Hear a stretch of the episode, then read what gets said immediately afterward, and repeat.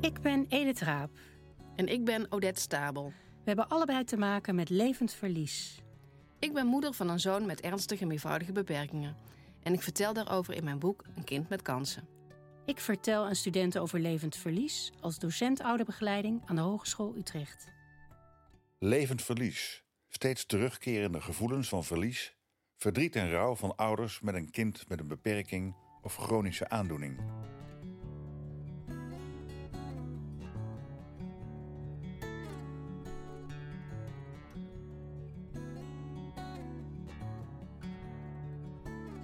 Welkom bij het tweede deel van het gesprek met Tanja van Roosmalen, rouw- en verliestherapeut.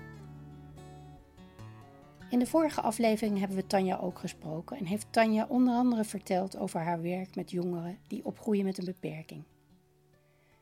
Ze heeft het gehad over hoe ouders hun kind kunnen ondersteunen en dat er dan ook aandacht voor henzelf nodig is. En ze heeft verteld over dat levend verlies ook een traumatisch, overspoelend aspect heeft. Vandaag praten we verder met haar. We kregen trouwens heel positieve reacties op de gitaarmuziek in de vorige podcast. En we laten in deze podcast ook weer wat horen van de CD Mysteries of the Portuguese Guitar met Rafael Fraga en Eva Aukes.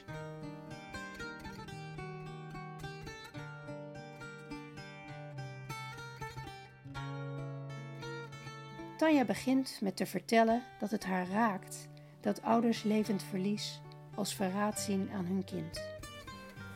Het feit dat je dat voelt en dat dat, dat dat eigenlijk er niet mag zijn, dat lijkt me zo eenzaam ook. Dat raakt me dan zo. Kun je daar meer over vertellen? Ehm, ja, bij mij komt dan het boek van Jetty Serin meteen boven. Die schrijft in haar boek Kind als geen ander over uh, de eigenheid van het kind. Wie is je kind? En het wat. Wat heeft je kind?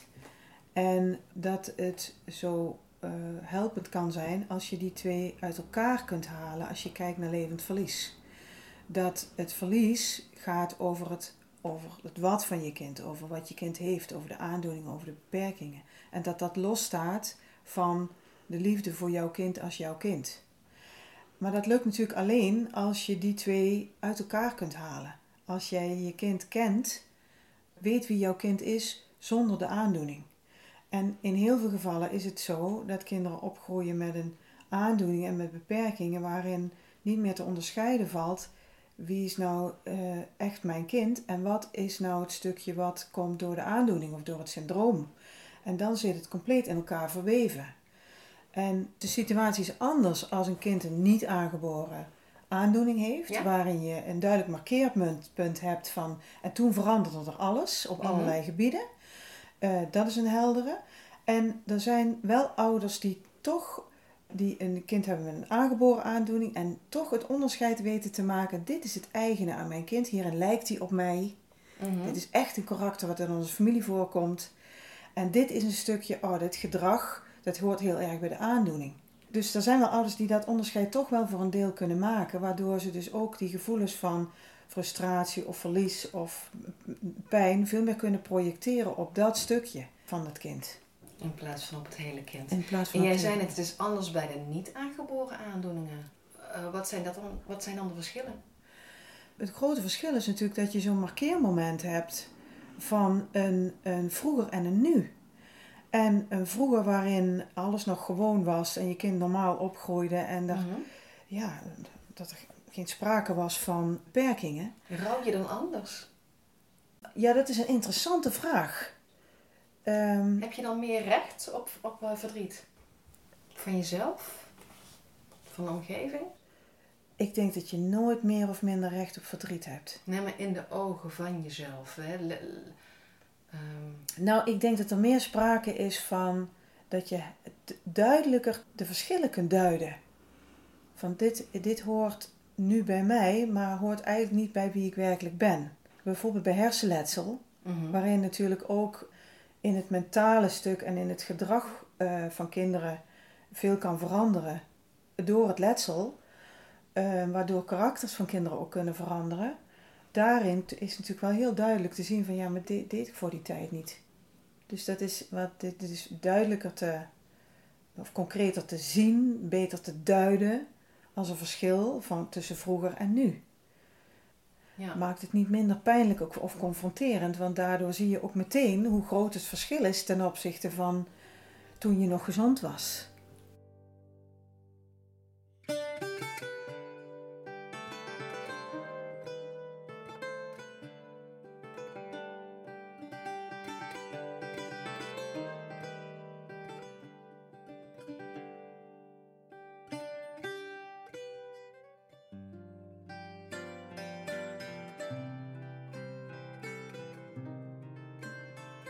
Maakt rouw bij levend verlies anders dan bij overlijden? Ja, het is natuurlijk, het is natuurlijk heel verschillend. Want een kind dat overlijdt, dat is ook zo'n markeerpunt. Met een voor en erna. Waarbij de periode daarna wel verandert, maar er komen geen nieuwe dingen meer waartoe je je moet verhouden, waardoor, waar- waarbij er weer een actie nodig is. Dat is natuurlijk anders bij als je je kind verloren bent, omdat het is overleden ten opzichte van een levend verlies, waarin iedere keer in elke ontwikkelingsfase weer nieuwe zorgen en nieuwe vragen. Je kunt je niet meer vastbijten in het zo goed mogelijk zorgen voor dat kind. Want Nee. Dat is weg. Ja.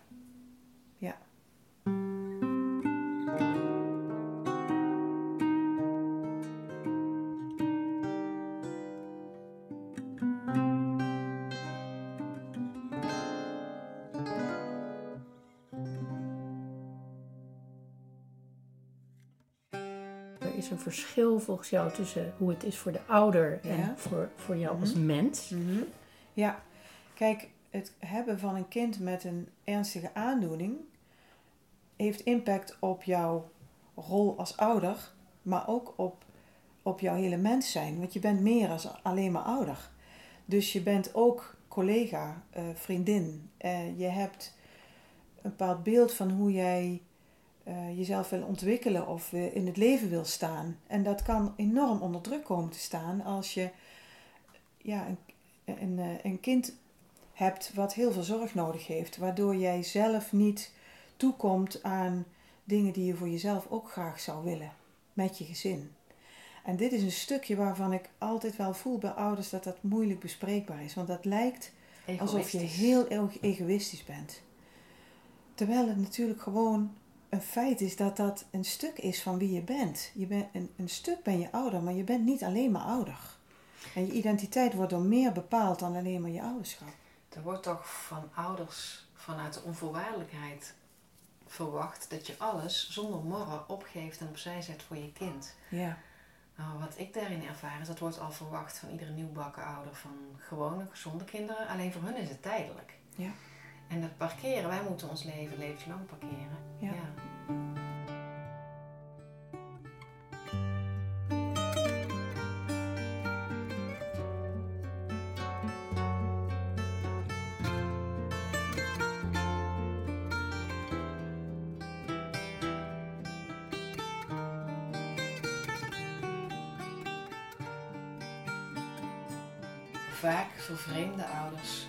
in dat doorleven, hè? in, Mhm. dat, eh, in dat overleven, in dat krampachtig, zo goed mogelijk zorgen voor verliezen de contact met de omgeving. Kun jij ouders ook helpen om dat contact terug te winnen? Heb je daar adviezen in, technieken voor, oplossingen? Nee, oplossingen niet. ja, wat het bij mij oproept is dat ik eh, dan eerst stil zou staan bij ouders bij dat overlevingsmechanisme, bij die zelfbescherming. Hoe Mhm. ziet die er bij jou uit? En wat is de consequentie daarvan voor je omgeving? Want ouders hebben soms niet door dat het juist door hun overlevingsmechanisme is dat ze daardoor mensen op afstand zetten. Wat, wat heel goed voor te stellen is, maar je, ja, je hebt soms daar zelf geen, geen helikopterblik meer op dat het zo gaat. Dus het inzicht geven in eh, hoe probeer jij door te gaan met je leven en hoe doe je dat dan ook met je omgeving? Wat is de impact daarvan op je omgeving? Dat inzicht kan je opleveren dat je denkt: oh, wacht even, maar ja, ik snap het ook wel. Ik verwacht eigenlijk dat ze meteen klaarstaan zonder dat ik een vraag stel. Is dat eigenlijk wel reëel? Dus dat kan het opleveren dat een ouder dan denkt: ja, misschien is dat eigenlijk wel de verwachting, maar ik weet ook dat het niet komt. Dus ik zal toch zelf dan het initiatief moeten nemen. En ja, wat ook altijd wel iets is, is in hoeverre durf jij je kwetsbaar te maken naar je omgeving. Want als je het idee hebt, mijn omgeving begrijpt me niet, dan zul je ze moeten vertellen wat ze niet begrijpen. Want de dingen die ze niet begrijpen zijn vaak ook niet aan de buitenkant te zien, omdat je in die overlevingsstand zit. Maar dat moet je ook durven om te vertellen ja, wat, je, wat je diepste pijn en wat je diepste zorgen zijn. En dat je misschien al twintig jaar vooruit aan het denken bent. En dat iedereen kan zeggen, ja dat moet je niet doen, leef nou maar met de dag.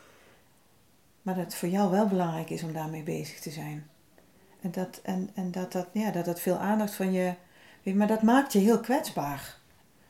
Want je weet niet wat de reactie van de ander zal zijn. Maar tegelijkertijd, als je het niet doet, is de kans wel groot dat je omgeving op een gegeven moment echt niet meer weet wat er in jullie gezin zich afspeelt.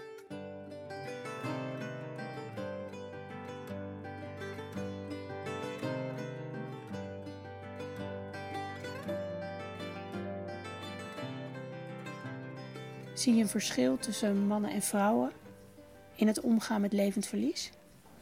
Het is altijd uh, lastig om niet te gaan chargeren als we het hebben over de verschillen tussen mannen en vrouwen. En als je me daar toch een beetje toe uitnodigt, wat ik wel zie, is in het verschil tussen mannen en vrouwen, en daarin vullen mannen en vrouwen elkaar ook heel goed aan, is dat mannen overwegend uh, gericht zijn op het doorleven, op het kijken hoe kan ik controle krijgen op de situatie door een second opinion aan te vragen, door toch nog eens na te gaan hoe dat zit met die, uh, met die vergoedingen, door ja, te denken in mogelijke oplossingen, meer op actie gericht en vrouwen eerder gericht zijn op het er zijn voor hun kind. En ik zeg niet voor niks, ze vullen elkaar ook heel goed aan daarin, want beide hebben kinderen nodig. Maar in, daarin kunnen uh, partners elkaar wel uh, een stukje kwijtraken. Als uh, de een zegt van, ja, ik heb, het, ik heb het echt nodig om die dingen uit te zoeken en om me daar helemaal in vast te bijten. En de ander zegt, ja, maar ik heb het juist nodig om af en toe uh, met collega's gewoon even mijn, mijn hart te luchten en te spuien. En dan, heb, dan is het eruit, dan ben ik het kwijt. En ik zou dat zo graag ook met jou doen. Het is wel goed om dat, dat partners dat met elkaar bespreken. En nogmaals, er zitten natuurlijk heel veel nuanceverschillen in. Maar ik zie wel meer dat mannen wat meer zoeken naar oplossingen en vrouwen wat meer delen.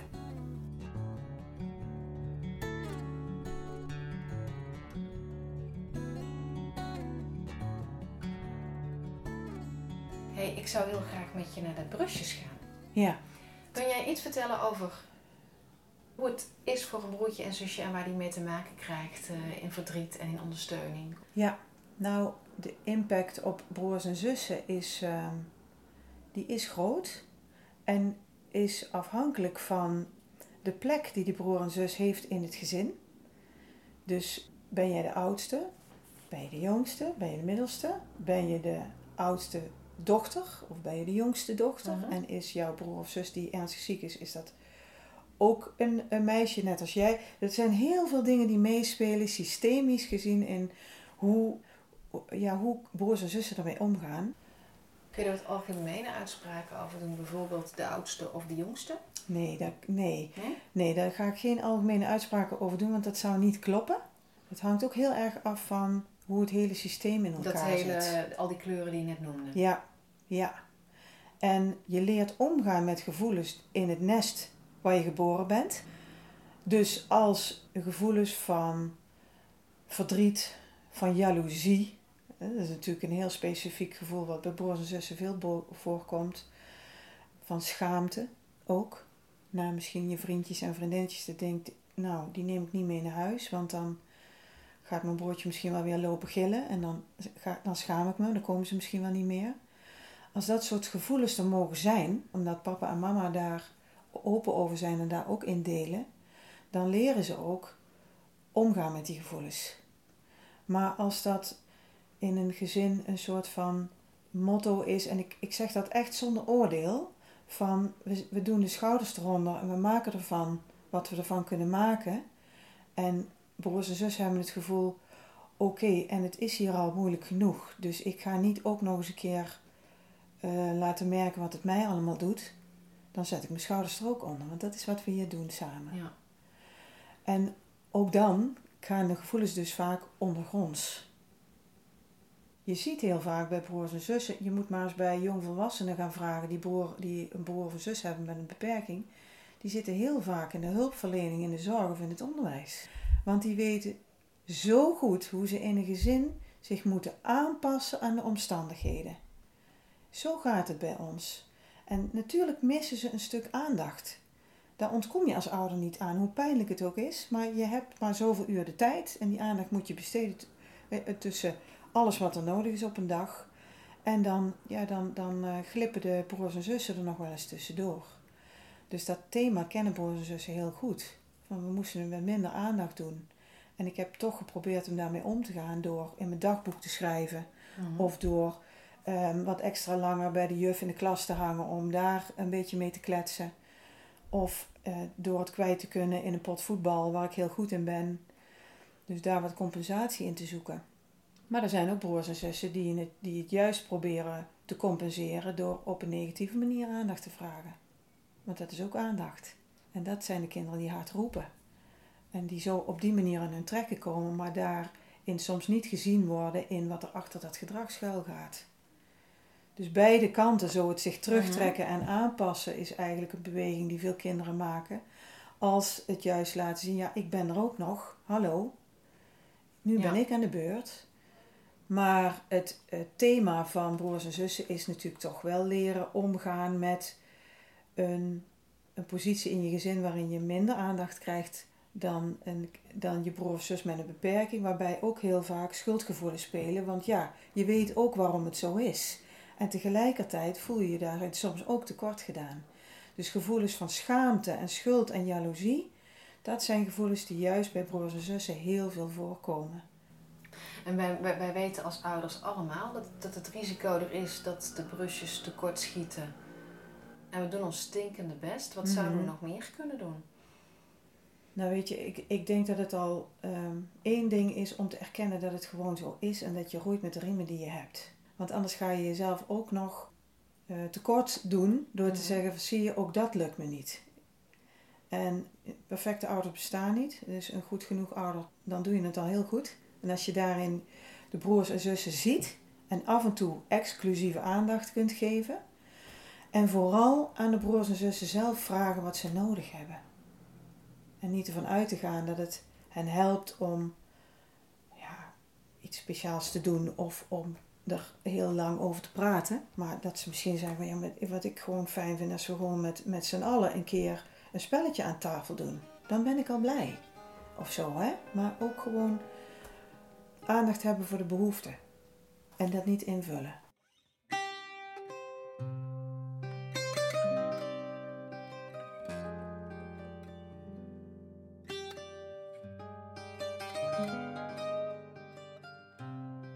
Begreep dat je een voorlichting geeft ook aan, aan eh, artsen. Ja, Kun je vertellen wat je daar belangrijk vindt? Nou, wat ik merk in, eh, bij zorgverleners is dat, eh, en dat geldt voor mij ook, is dat zorgverleners, hulpverleners, hebben onderwijs gera- eh, gehad over hoe je een interventie kunt doen om een probleem op te lossen of een klacht te verminderen of een symptoom te bestrijden. Dus dat is heel doelgericht. Dus zorgprofessionals werken over het algemeen doelgericht. Er is een hulpvraag en we proberen dat op te lossen, te herstellen of in ieder geval een, iets in te verlichten. En als je het hebt over levend verlies, dan gaat het dus over gevoelens die niet vanzelf op te lossen zijn met een simpele, nou ja, nou, nou, nou chargeer ik een beetje, maar met een interventie die je ergens uit een protocol haalt en eh, die op heel veel eh, situaties en bij heel veel zorgouders werkt. Dus in de mindset van zorgprofessionals zit hoe kunnen we proberen om ja, een probleem te verhelpen. En bij levend verlies kun je dus niet zoveel doen. En wat ik probeer duidelijk te maken om ze ook iets te laten integreren in hun vak van levend verlies, aandacht voor levend verlies, is dat je zonder iets te doen wel van betekenis kunt zijn. Voor ouders. Hoe dan? En voor kinderen. Door juist soms niet de handen uit de mouwen te steken, maar, ze, maar erop te gaan zitten. En aandacht te hebben voor, ja, voor de belevingskant. Door als je bijvoorbeeld als arts uh, in een gesprek gaat met ouders over het moment dat bijvoorbeeld een kind van een gewone rolstoel over zou moeten naar een elektrische rolstoel, wat een behoorlijke overgang is, daarbij stil te staan en te vragen aan de ouders: hoe is het voor jullie dat we het hier nu over gaan hebben? Zonder meteen te gaan praten over hoe gaan we die aanvraag doen en wij denken dat het nu verstandig is om dit, want dan ga je mensen overtuigen. En um, ik hoor wel eens artsen zeggen: ja, daar heb je de psycholoog voor, dat ben ik niet. Ja, ik, uh, dat is denk ik uh, wat veel zorgverleners snel doen, is op het moment dat dat, dat thema op tafel komt van beleving, verwijzen naar maatschappelijk werk of een psycholoog, want daar kan het dan uitgebreid kan het dan op Mhm. tafel komen. Terwijl ik denk dat je in 10 minuten ook aandacht kunt hebben voor dat stuk. Door gewoon even te vragen van ja, hoe, het, hoe het is om in deze situatie te zitten. Of om te vragen, lukt het jullie om die stap nu te maken? Waar we het nu met jullie over gaan hebben. We gaan een stapje richting de toekomst. Mhm. Betekent dat er iets moet gaan veranderen. Hoe is het voor jullie dat we daar nu over hebben? Of wat, wat is daar nu voor nodig? En dat helpt die ouders, maar helpt dat ook die arts? Dat helpt de arts, denk ik, enorm. Omdat als je daaraan voorbij gaat, dan kan het zijn dat een ouder niet mee kan gaan in de gedachte van oké, we, gaan, we gaan een nieuwe interventie doen. Of we gaan een ehm, nieuwe therapie starten. Omdat dat nog een brug te ver is. Dan komt er geen elektrische rolstoel. Nee, dan is die stap te groot. En dan wordt er nog wel eens gezegd: ouders accepteren niet dat dit nu nodig is. Of ouders hebben nog steeds de aandoening van hun kind niet geaccepteerd. Ja, dat, dat, dat, is helemaal niet aan de orde. Ik, ik word sowieso altijd een beetje kriegel van dat woord. Want het roept gewoon opnieuw het verlies op van een stukje achteruitgang. En weer de confrontatie van zie je, ons kind gaat dus zelfs nog achteruit. Of we hadden nog gehoopt dat het misschien nog wel beter zou worden. Dat we misschien nog konden praten over, over leren lopen, zachtjes aan. Met heel veel hulp, maar misschien was dat nog wel een perspectief waar het toe kon. En ja, soms maai je dat in één keer onderuit. Dus de impact is dan enorm. Dus als je ouders mee wil krijgen, zul je volgens mij altijd even toch stil moeten staan bij ja, wat het voor ouders betekent om die stap te zetten.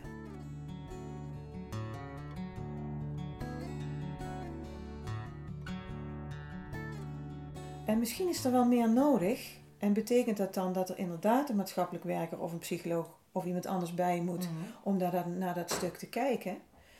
Maar als je er als arts al aan voorbij gaat, dan, ja, dan verlies je ook een stukje de afstemming met de ouders.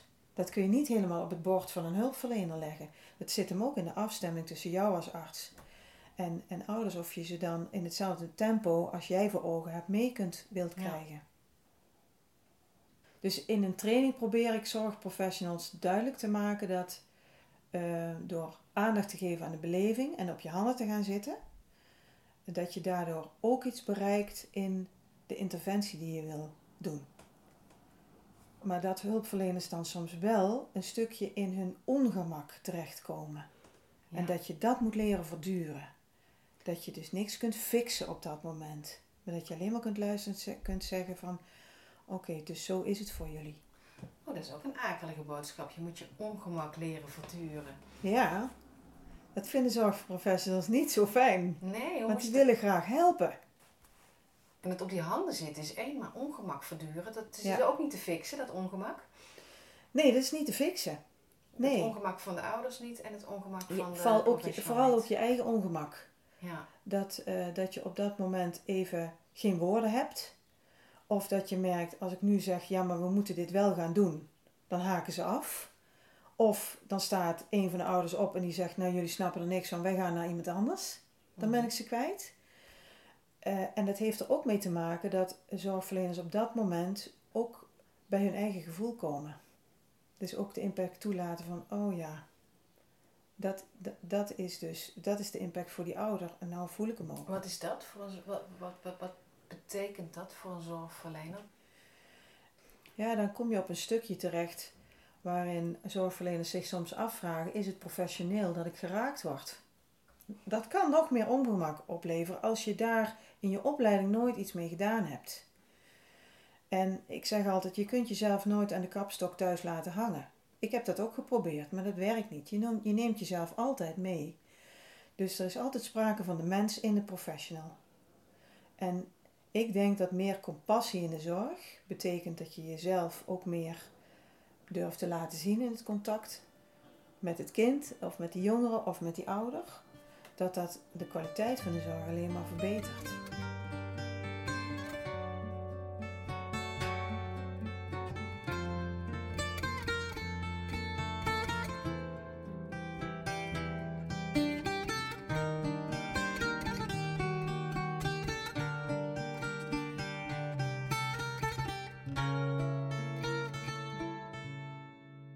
Wat zou je graag onderzocht willen hebben?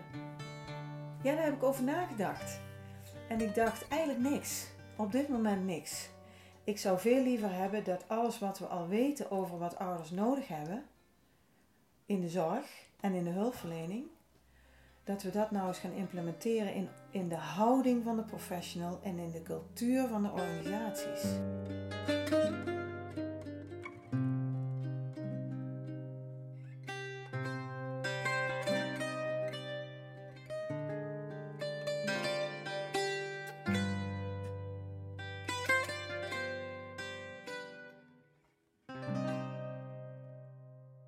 Dit was het tweede deel van het gesprek met Tanja van Roosmalen.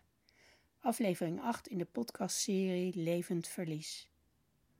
De volgende maand spreken we met Pauline Kuiper, die een boek met prachtige foto's en verhalen gemaakt heeft over de band tussen iemand met ernstig meervoudige beperkingen en zijn broer of zus. We hopen dat je luistert. Tot dan. Elke laatste zondag van de maand een gesprek over levend verlies. Ik ben Odette. Ik ben Edith. Abonneer je op onze podcast levend-verlies.nl